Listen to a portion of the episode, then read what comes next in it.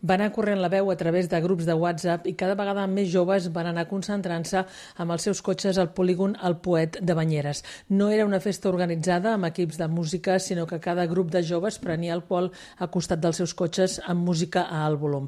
Hi havia centenars de cotxes en un punt proper a l'autopista AP7.